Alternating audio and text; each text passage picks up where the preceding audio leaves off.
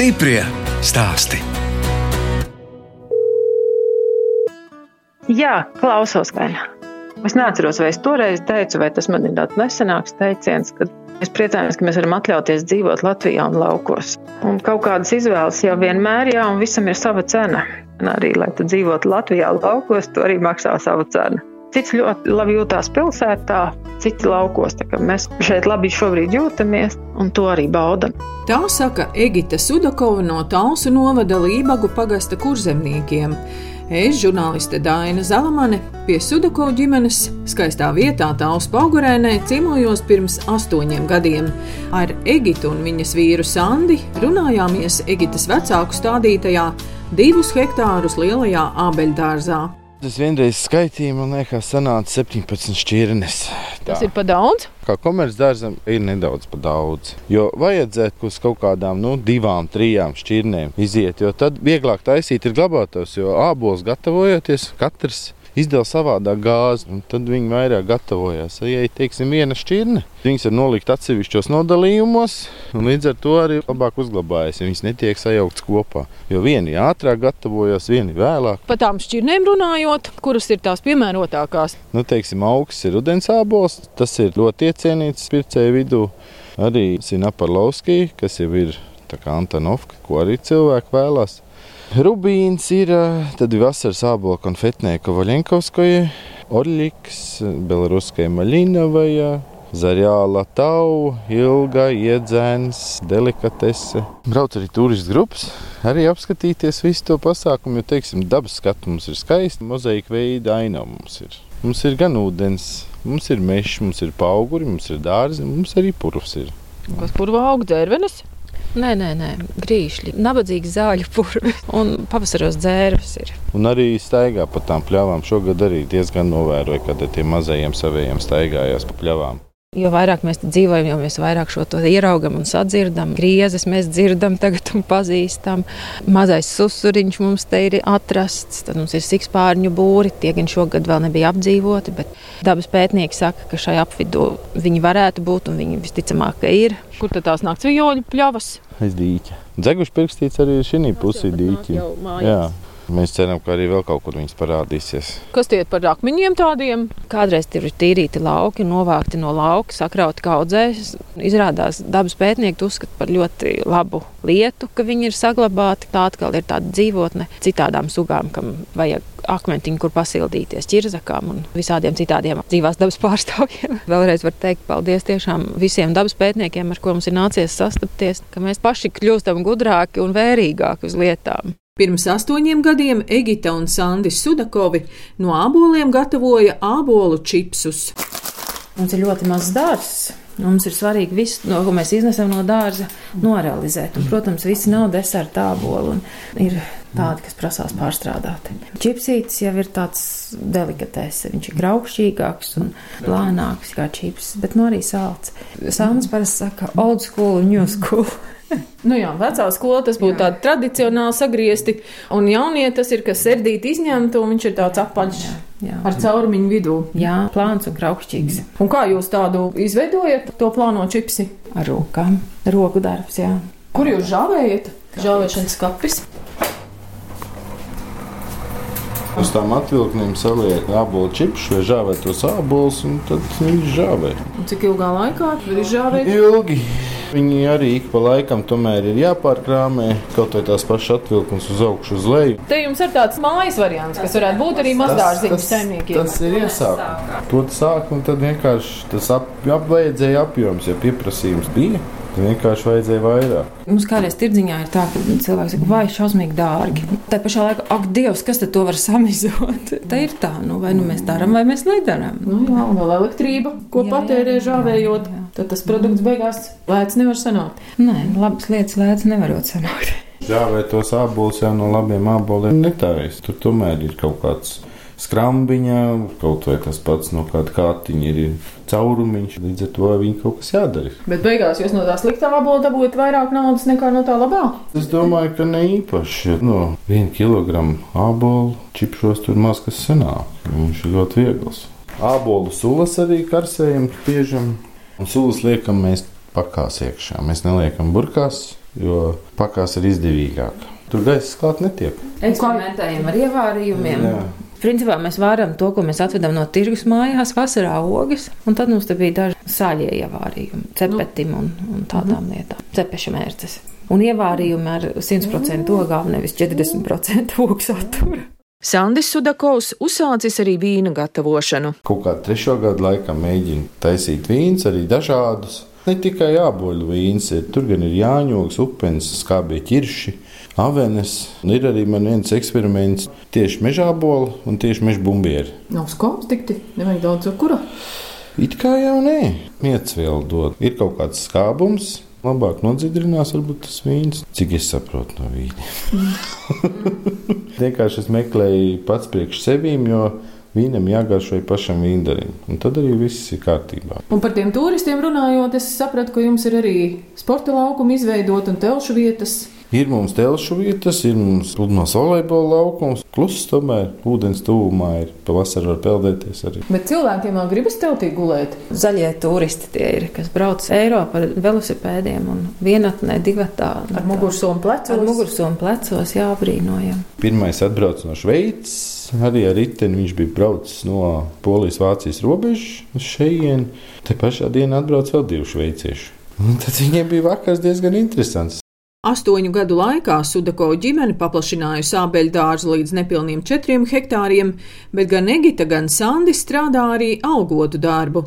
Sandis ved kravas uz Spāniju un strādā ceļu būvē, bet Egita kārto grāmatvedību un vada projektus. Mums zeme ir tā, ka mēs varam atļauties turēt tur to veco dārzu arī. Un dažas šķirnes ir, kas ļoti labi vēl joprojām ražo. Un arī jāsaprot, ko vietā likt cenšamies kopt to veco vēl, un viņš arī mums ainaviski labi izskatās, tā kā nemaz tā negribās izraut viņu. Stādam puspundurus tomēr mūsu reliefā, lai bez balss sistēmas iztiktu, tā kā mums varbūt mazliet cita pieeja, netik komerciāla. Vairāk ziemas, ligolu un zarjāla tavu, un tad ir drusku vasaras šķirnes, lai to sezonu pagarinātu. Un Pagājušajā gadā jau bija pirmā raža, šogad būs droši vien kaut kas vairāk. Apjomu tomēr vajadzēja palielināt, jā, bet nu, šobrīd liekas, ka tas gan priekš mums pietiekamā platībā. Mēs joprojām pārstrādājam. Sulas gan mēs pērkam ārpakalpojumā, vedam izspiest. Mums tepat blakus ir ļoti labs sadarbības partners, tā kā sulu iekārtas mēs neesam jaudīgākas paši pirkuši. Mēs esam nopirkuši jaudīgāku žāvētāju Nedaudz ir čipši un žāvēti āboli, sukādas, bet nu, tā pieeja mums ir, ka mēs joprojām pārstrādājam to, kas izaug mūsu dārzā. Mēs neievedam izeivielu, teiksim tā. Kurzemniekos nelielos apjomos tiek vārīti arī ievārījumi. Tie ir mazos apjomos, un tā nu tad ir rītīga mairažotāja padarīšana. Ka mairažotājs var atļauties eksperimentēt un vārīt nelielās partijās, un ja nenotirgo, tad apēst pats. Sāļie šad un tad jā, kaut kāds bumbiešu koriandrs un sīpoli. Bet pamatā tomēr ābols un tradicionāla oga, vai tā ir jāņoga, ērkšķoga, plūme, labi sadara kopā, bet ābols ir vienkārši ļoti pateicīgs auglis, jo viņš ļoti labi pieņem garšas. Arī apelsīnu. Tas mūsu ābols un spāņu apelsīns arī ļoti labi draudzējās. Kas pašiem garšo, tas arī droši vien, ka cilvēkiem garšo. Mēs esam kooperatīvā, tad mēs daļu caur kooperatīvu realizējam arī skolas auglī, un vēl joprojām ir tirdziņi, bet šobrīd gan vairāk lokāli, un esam atvēruši mājās arī tirdzniecības vietu. Gribam pieredināt to savu pircēju, iegādāties saimniecībā produkciju. Ar garantiju, ka viņš tiešām zina, ko viņš pērk un, un kur tas ir audzis. Mēs gribam dot šo pārliecību par šī produkta izcelsmi, jo es domāju, ka ir milzīga atšķirība starp industriālo pārtiku un pārtiku. Mēs sadarbojamies šobrīd gan ar, kā nu viņš tagad saucās, auga aizsardzības pētījuma centrs. Mēs tiešām izmantojam visus pieejamos pakalpojumus, auga aizsardzībā arī un apmeklējam seminārus. Es domāju, ka mēs jau esam ļoti maz Latvijā. Viens no otra mācāmies, un katram tai savā saimniecībā tie savi eksperimenti kaut kādā mērā notiek. Vīna darīšana saimniekam Sandim palikusi hobija līmenī. Profesionāli tas nav aizgājis, bet es kaut kā personīgi arī domāju, ka tad varbūt jāmeklē sadarbības partneris ar mūsu izēvielām. Bet eksperimentējam, kā es smējos, vienmēr jau kādā muciņā kaut kas rūkst. Lībagu pagasta kurzemniekos joprojām uzņem turistus, un izrādās, ka daudzi ābeļdārzā grib svinēt svētkus un pat kāzas.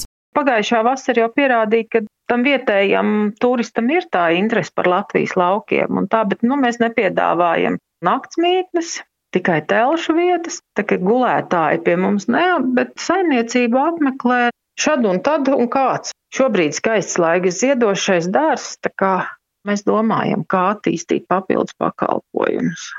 Tā kā šobrīd ir ļoti svarīgas svinību vietas, par cik telpās pasākumi ir ļoti ierobežoti, un cilvēki tomēr grib savus svētkus atzīmēt. Dārzā mums ir vairākas laulības, nu jau bijuši, nu jau mēs varam teikt, ka mums ir kaut kāda pieredze sakrājusies, un mēs varam piedāvāt vietu, un cilvēki tiešām arī labprāt izmanto to iespēju šīs ceremonijas novadīt dabā. Jo dārsts jau ir skaists jebkurā laikā, un katram cilvēkam tas viņa pasākums jau arī ir visnozīmīgākais, lai kurā laikā tas viņam notiktu. Bet nu, šogad mums pirmo reizi viens pāris ietrāpīja tieši ziedošā dārzā, jo iepriekšējos gados bija vairāk, kas bija iztēlojušies, ka maijā laulāties dārzā. Tad ir ar garantiju, ka ziedos šābels, bet to mēs nekad nevaram dot šo garantiju, ka tieši tajā datumā ziedēs. Jo ir daba, kurai mēs tā kā nu, nevaram pretoties. Mums arī reljefs pateicīgs, un es domāju, ka tiešām pašiem patīk, un tad es ceru, ka cilvēkiem arī patīk. Pakalni, mazie ezeriņi, diškoki, tālsa paugurāņi ļoti raksturīgi ar to, ka mežā daudz saldie ķirši aug. Un es domāju, ka tas miers prom no lielajām pilsētām. Tas ir tas, kas ir mūsu pluss. Jāsaka, ka tās kāzu tradīcijas arī mazliet mainās, un ir pāri, kas izvēlas arī šos vienas dienas pasākumus, un tad ar tas cienasts te notiek. Bet nu, tur tā ar vienmēr drusku par laika apstākļiem jādomā, un ir jā, mums lieli sapņi, varbūt šo pakalpojumu kādreiz attīstīt, bet dažus reālus soļus jau esam veikuši un skatīsimies, kā te mums attīstīsies šī iecerē par pasākumu vietu. Visas sezonas, jāsaka tā. Sudakovu ģimenē aug trīs bērni. Covid dēļ visi šodien bija mājās, arī lielā meita, kas studē ķīniešu valodu. Beidza universitāti Latvijā, un tad viņa aizbrauca atkal uz Ķīnu mācīties, un pagājušo gadu atbrauca brīvlaikā, un Ķīnā sākās Covid. un tā viņa vēl joprojām ir mājās, un paldies Dievam, ka mājās. Tagad būs maģistratūras programma pabeigta attālināti, jo tā arī atpakaļ uz Ķīnu vairs neatbrauc, bet tas tam Covid laikam arī tā labā lieta, ka tie lielie bērni ir pa mājām un tad viņi arī var piesaistīties. Tā ir saimniecībai, un kā es viņiem parasti saku, ka nu, tas resurss te ir, nu, jūs varat darīt. Un viņi arī kaut ko te mēģina un dara, un tas mums ar tādu cerību dod, ka varbūt tas nav tikai tāda mūsu izpriece un iegriba šeit saimniekot. Dēls mums arī pastudēja mazliet turībā, tad viņš aizbrauca strādāt uz kruīzu kuģiem. Bet nu, šobrīd nopietnāk tā kā filmēšanai, fotografēšanai, tādām lietām pievērsies. Mazā meita beidz septīto klasi. Tā kā tepat vien visi esam un, un labi, ka tā kaut kādus ceļojumus atcēlām, ja vienkārši nebija iespēja aizbraukt nekur. Bet tādā sadzīviskā ziņā jau nekas milzīgi mums laukos nemainījās. Tas, ka kaut kādas lietas attālināti, es smējos, katram savs zūms savā istabā paralēli notiek. Bet tādās lielās lietās es nevarētu teikt, ka mums kaut kas ļoti būtiski mainījās. Kaut kāda ierobežojuma dēļ, vienkārši kas tika atcelts un kas nebija atļauts no vietējiem pasākumiem, sportošanas, dejošanas, tādas lietas. Mēs tā dikti veiksmīgi bijām sākuši dejot iet, un tas nu ir tas, ko mums tā kā nobremzēja, jā. Vanzenē mēs te tā kaimiņu pagastā. Vai labu veselību, mieru, prieku nepazaudēt šajā visā un dzīvot ar sevi harmonijā un nepazaudēties šajā ļoti lielā informācijas pārpilnībā. Stiprie stāsti!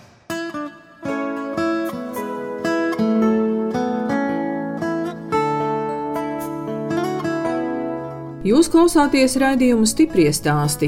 Radījuma turpinājumā sazināšos ar Līgu Endi Griķi no Gulbenes novada Daugstu pagasta āriņiem. Līga Rīgā Sporta akadēmijā mācījās par sporta skolotāju, bet, kad piedzima vecākais dēls, pārcēlās uz dzīvi vīra Aivara vecāku viencētā Gulbenes pusē. Līga izmācījās par pirtnieci un masieri, bet vīrs izveidoja pirtslietu darbnīcu.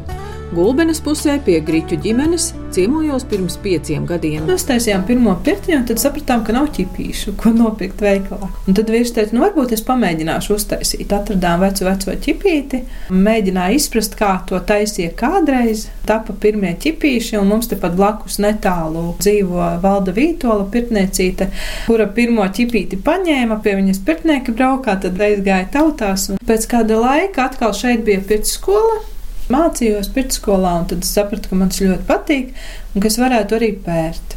Pamazām arī sāku pērt, un tad pēc tam izgāja vēl masāžas. Tad mēs sapratām, ka pirtiņa šī par mazu ir, kad vajag vēl vienu pirtiņu. Uzbūvējām to dūmu pirtiņu. Mēs it kā saucam viņu melnā pirts, bet eh, latviešiem pareizi ir dūmu pirts, jo melnā pirts nākot no krieviem, kas ir baņa pa čornamu. Kurina aptuveni 5 stundas, pēc tam izveidina kārtīgi stundu, un tad var iet iekšā. Līgas vīru Aivaru sastopam darbnīcā.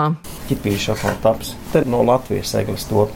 Mums jau galvenais jau tās šķiedras, lai ir pareizās, lai viņš ir smalks, lēnu audzis. Bet arī šī tādu ķipīšu es esmu taisījis no vecā koka, kas ir no vecas klēts. Sazāģēt, neziet, te ir pat uz milimetru kāda trīs gadsimta būs. Ja tā koks ir blīvāk, tad viņš mazāk raujās vienkārši. Tāpēc mēs arī skatāmies tādu koku, kam ir šķiedras atbilstošas. Cik ķipīši jūs jau esat izgatavojis, ja jūs neskaitāt? Neskaitām.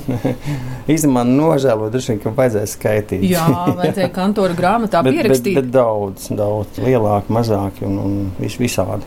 Nu, vismaz mājas jūs varat saskaitīt, cik esat uzbūvējis. Mājas, jā, pagājušā gada es varu saskaitīt. Un cik tad bija pagājušajā gadā? Pagājušajā gadā bija četras pirtiņas. Un kur jūs tās pirtis būvējat? Te gulbenis Un apkārtnē? Šeit, šeit pa visu Latviju. Šī pirtiņa, kas top tā ir gulbenē, pagājušā gada pirtiņa vien top līdz galam to, ko pagājušā gada dzērbnē salikām. Tur var teikt, tā kā māja, tā pieci ir tāda liela. Baļķis nosēžās, un tad viņi arī otrā gadā var. Tas arī viss pareizākais ir, kad nevis uzreiz tur sāk kaut ko taisīt iekšā, bet tā, viņi bija šī pastāv. Sieva jau man tur rādīja tajā namiņā, kur mēs sēdējām, ka jūs tur visas mēbeles esat taisījis. Skapīšus, Mm, jau? durvis. Un, ja vajadzētu, varētu pat kaut ko nokalt, ja būtu smēde. Varētu, jā. Arī ar metālistu tas ir sācis darboties. Var uztaisīt visu kaut ko. Jā, ir Vai tas jūs esat tāds īsts veco laiku amatnieks, kas tiešām gandrīz visu prot? gandrīz, jā. Ko tad vēl neprotat? Akmens ir, metāls ir, koks ir. Akmens izlietnes ir jau taisītas. Tas ir no lauka akmeņiem. Nu, Pašam vienkārši patīk tādas pamatīgas lietas. Es īstenībā apbrīnoju, jo viņš var izgatavot visu, un viņš var izgatavot ne tikai no koka. Viņš pat ir uztaisījis mums traktorītim piekabi. Sametinājis. Viņš var izdarīt visu. Bet tikai tas ir, ka diezgan ilgi viņam ir jādīts, lai priekš pašiem kaut kas taptu. Jo vienkārši citi darbi, protams, ir svarīgāki kā pašiem priekš sevis. Pasūtījums. Jā, tieši tā, jā.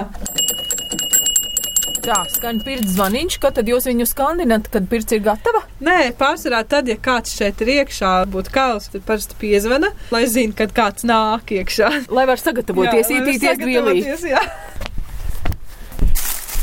Šī ir lazda. Šī ir avenīte, vīgotnīte.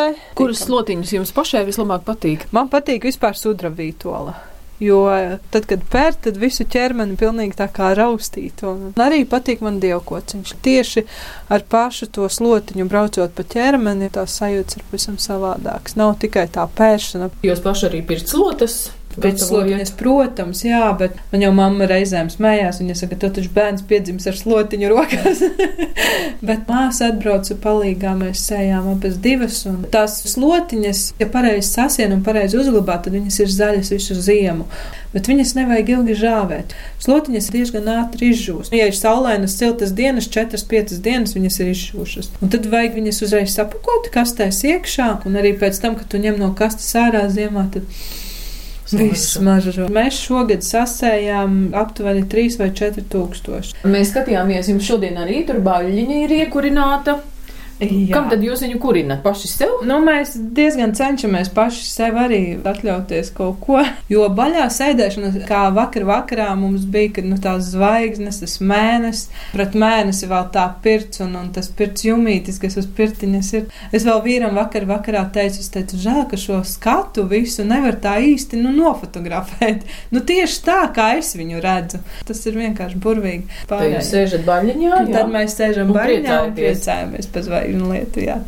Kad zvanu Līgai uz gulbeni, viņa stāsta, ka šobrīd auklē savu piekto bērnu, meitiņu Emīliju. Jūs bijāt pirms pieciem gadiem. Tāda interesanta sakritība. Tad mēs taisni runājam par to trīs mēnešu veco Kārli, un tagad ir četri mēneši jaunā Emīlija. Patreiz ir tā, ka vīrietis mums ir tas maizes pelnītājs, un es esmu kopā ar bērniņiem dien dienā. Nu, tas vīrietis jau ir vajadzīgs blakus, tāds spēcīgs un tāds noturīgs, kā saka. Tie bērni jau ir vislielākā laime.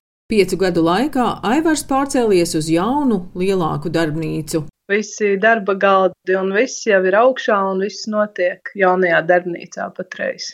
Tur tomēr ir vairāk vietas un tomēr lielākus projektus var īstenot lielākās telpās, jo šīs telpas bija ļoti maziņas. Ļoti daudz patreiz pirtis tiek celtas ar visu šo situāciju, kas ir patreiz Latvijā. Cilvēki tomēr aizdomājās Un pats labākais tagad tomēr ir tie lauki, jo mēs varam iziet ārā. Es domāju, ka liela daļa cilvēku patreiz nevis ceļo, bet iegulda naudu šādos projektos. Tādēļ darba mums netrūkst un darba mums ir ļoti daudz. Guļbaļķu pirtis cilvēki vairāk izvēlās tāda veida, kad ir gan dzīvošanai, gan pirtiņai.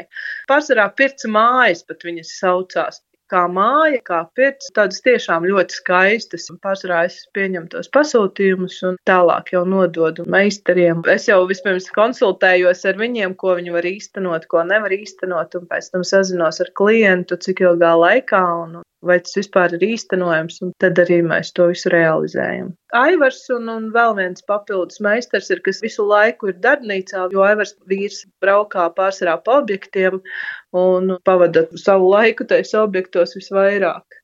Mēs iepriekš runājām par tām akmens izlietnēm, bet tas bija tikai pats sākums. No lauka akmeņa izgatavota akmens izlietne. Izpulēta, izslīpēta, izgriezta. Akmens tomēr ir mūžīgs. Un tās izlietnes tomēr ir tik ļoti skaistas un dažādas, un tie akmeņi ir dažādi. Tā kā man liekas, ka tas ir tāds kā mākslas darbs. Grīķu ģimene atjaunojusi arī veco pagrabu. Tur bija stālis kādreiz. Grūti stāstīt, kad neesat klātienē, kad ir jārunā pa telefonu. Zem stāļa bija šis pagrabs, tātad mēs šo pagrabu saglabājām, un tur patreiz atrodas arī jaunizveidotais pagrabs. Es jums aizsūtīšu fotografijā, kāds viņš izskatās, jo man pašai ļoti, ļoti patīk. Protams, šī zeme, kur mēs esam, tā ir vīra vecāku zeme, un viss šeit tiek darīts ar mīlestību. Un katrā ziņā visi līdzekļi, kas mums tiek nopelnīti, mēs visu ieguldam tajā, ko mēs darām. Un nav nekāda Eiropas projekta, nekādu naudu piesaistīšanu mēs neesam neveikuši, nemēģinājuši, bet mēs visu ieguldam, kas mums ir. Un es uzskatu, ka, ja dara ar mīlestību, tad jau viss vienmēr realizējās un viss notiek un piepildās. Līga jau sasējusi pirmās slotas. Ir man ievas sasietas, kas bija pašas pirmās, bet bērziem lapiņas pēc nedēļas es teiktu, ka varbūt, ka varēs jau ziemai gatavot tie, kas ņem katru gadu no manis, tie ņem vēl joprojām, un ar katru gadu nāk klāt jauni klienti. Un cik esmu ņēmusi palīgus, es saprotu to, ka ir grūti iemācīt tā, lai tā kvalitāte tev pašai patiktos. Tiešām ir grūti atrast tādus cilvēkus, kas sasietu tā, kā tiešām ir nepieciešams. Jo es esmu saviem klientiem tomēr kvalitatīvās slotiņas piegādājusi jau gadiem, un es nevaru mainīt kvalitāti. Es tagad esmu iesākusi no pirtslotām tos zarus, kas paliek uh, pāri. Es viņus sagraizu tādos mazākos zariņos, un no šiem zariņiem es izgatavoju pildspalvas. Ir ļoti daudz turistu, kas iebrauc, un viņiem ļoti gribās kaut ko piemiņai.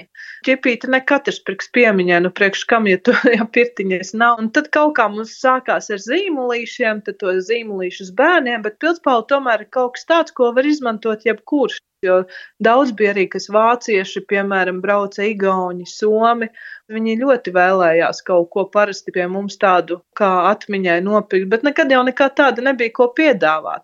Pat reiz šīs pildspalvas man liekas, ka ir tāds labs, praktisks, pielietojumā variants, ko varētu piedāvāt turistiem. Tās ir no ozola, no, no bērza, no liepas, nu, no dažne dažādiem kokiem. Man pašai ļoti patīk, jo katra pildspalva iznāk savādāka, un tas ir arī, arī kaut kas tāds īpašs. Un, Es ilgi jautāju vīram, lai viņš izgatavo, bet viņš teica, ka nu, būs grūti, grūti izurbt to caurumu precīzi, lai pēc tam tur var ievietot to kodoliņu, jo parasti tas urbis aiziet kaut kur šķīvi vai nu pirkstā ieurbās vai vēl. Tad tas zariņš tomēr ir ļoti, ļoti mazs, un, un tur ir diezgan jābūt meistarībai, lai to izdarītu. Īstenībā ir jau idejas kā mājas, kā saka. Tas, ko mēs esam patreiz izdarījuši arī uz šīs pašas zemes, ir upīte, gar īpašumu tek um, āriņupe, un tad pie šīs upes mēs esam izrakuši ļoti, ļoti lielu dīķi.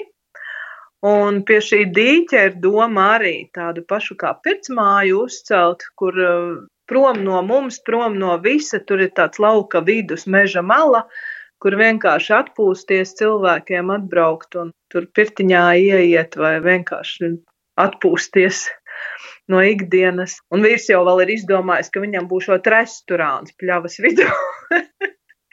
Visu kaut ko jau varam izdomāt, bet, nu, es saku, tās rokas ir tik, cik viņas ir, un, un visu daram paši, un ir diezgan grūti visu realizēt, ko esam iedomājušies. Līga Ende Griķa stāsta, ka šogad bērniem problēmas sagādāja attālinātā mācīšanās. Puika vecākais šogad beidz 9. klasi, ja godīgi es teikšu, ar tām mācībām bijis ļoti grūti.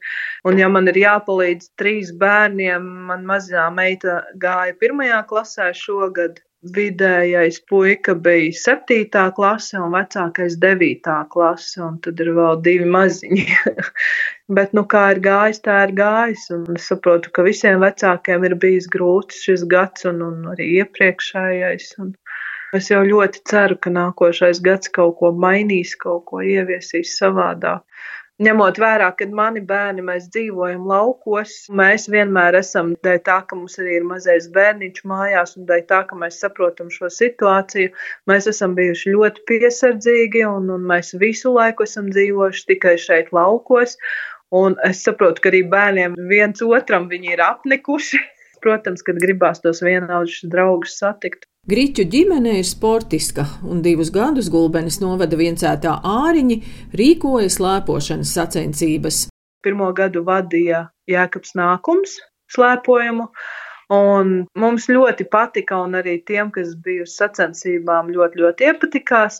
Arī ar Latvijas valsts mežiem mēs ar viņiem sadarbojamies, viņi mūs atbalsta gan slēpojumu, gan arī mēs vasarā rīkojam skrējienu, āriņu kross. Piedalās diezgan daudz dalībnieku, un šis skrējiens mums iet arī pa Latvijas valsts mežu takām, jo mums tepat, kur beidzās mūsu teritorija, tur sākās Latvijas valsts meži. Skrējiens arī mums ir noticis jau trīs gadus. Tas ir kaut kas īpašs gan priekš mums, gan priekš dalībniekiem. Jo mēs saprotam, ka bērni gaida tās dāvanas, tās balviņas pēc tiem skrējieniem. Nu, mēs cenšamies, lai visiem kaut kas tiek. Un man liekas, tas ir kaut kas tāds ļoti īpašs priekš mums un, un priekš mūsu bērniem un priekš dalībniekiem. Ko es varētu vēlēt? Izturību šajā laikā, veselību mums visiem, un ja būs mums visiem veselība, mēs visi varēsim izdarīt īstenot savus idejas. Patiesībā jau es teiktu tā, ka uz laukiem aizbraucot, man liekas, ka idejas jau vien var atrast jebkurā lauka stūrītī, ko darīt. Un tikai vajag gribēšanu, vajag saprast, ka laukos tomēr ir daudz jāstrādā, un tad jau visu var izdarīt.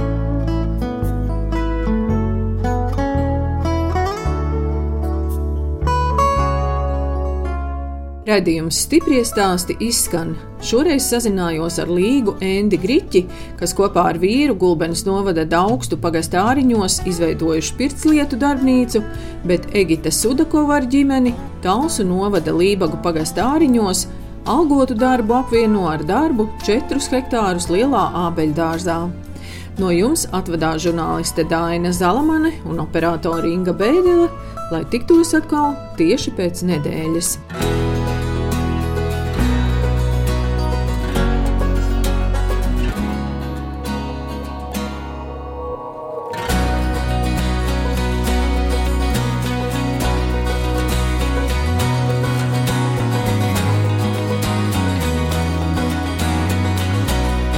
Stiprie stāsti.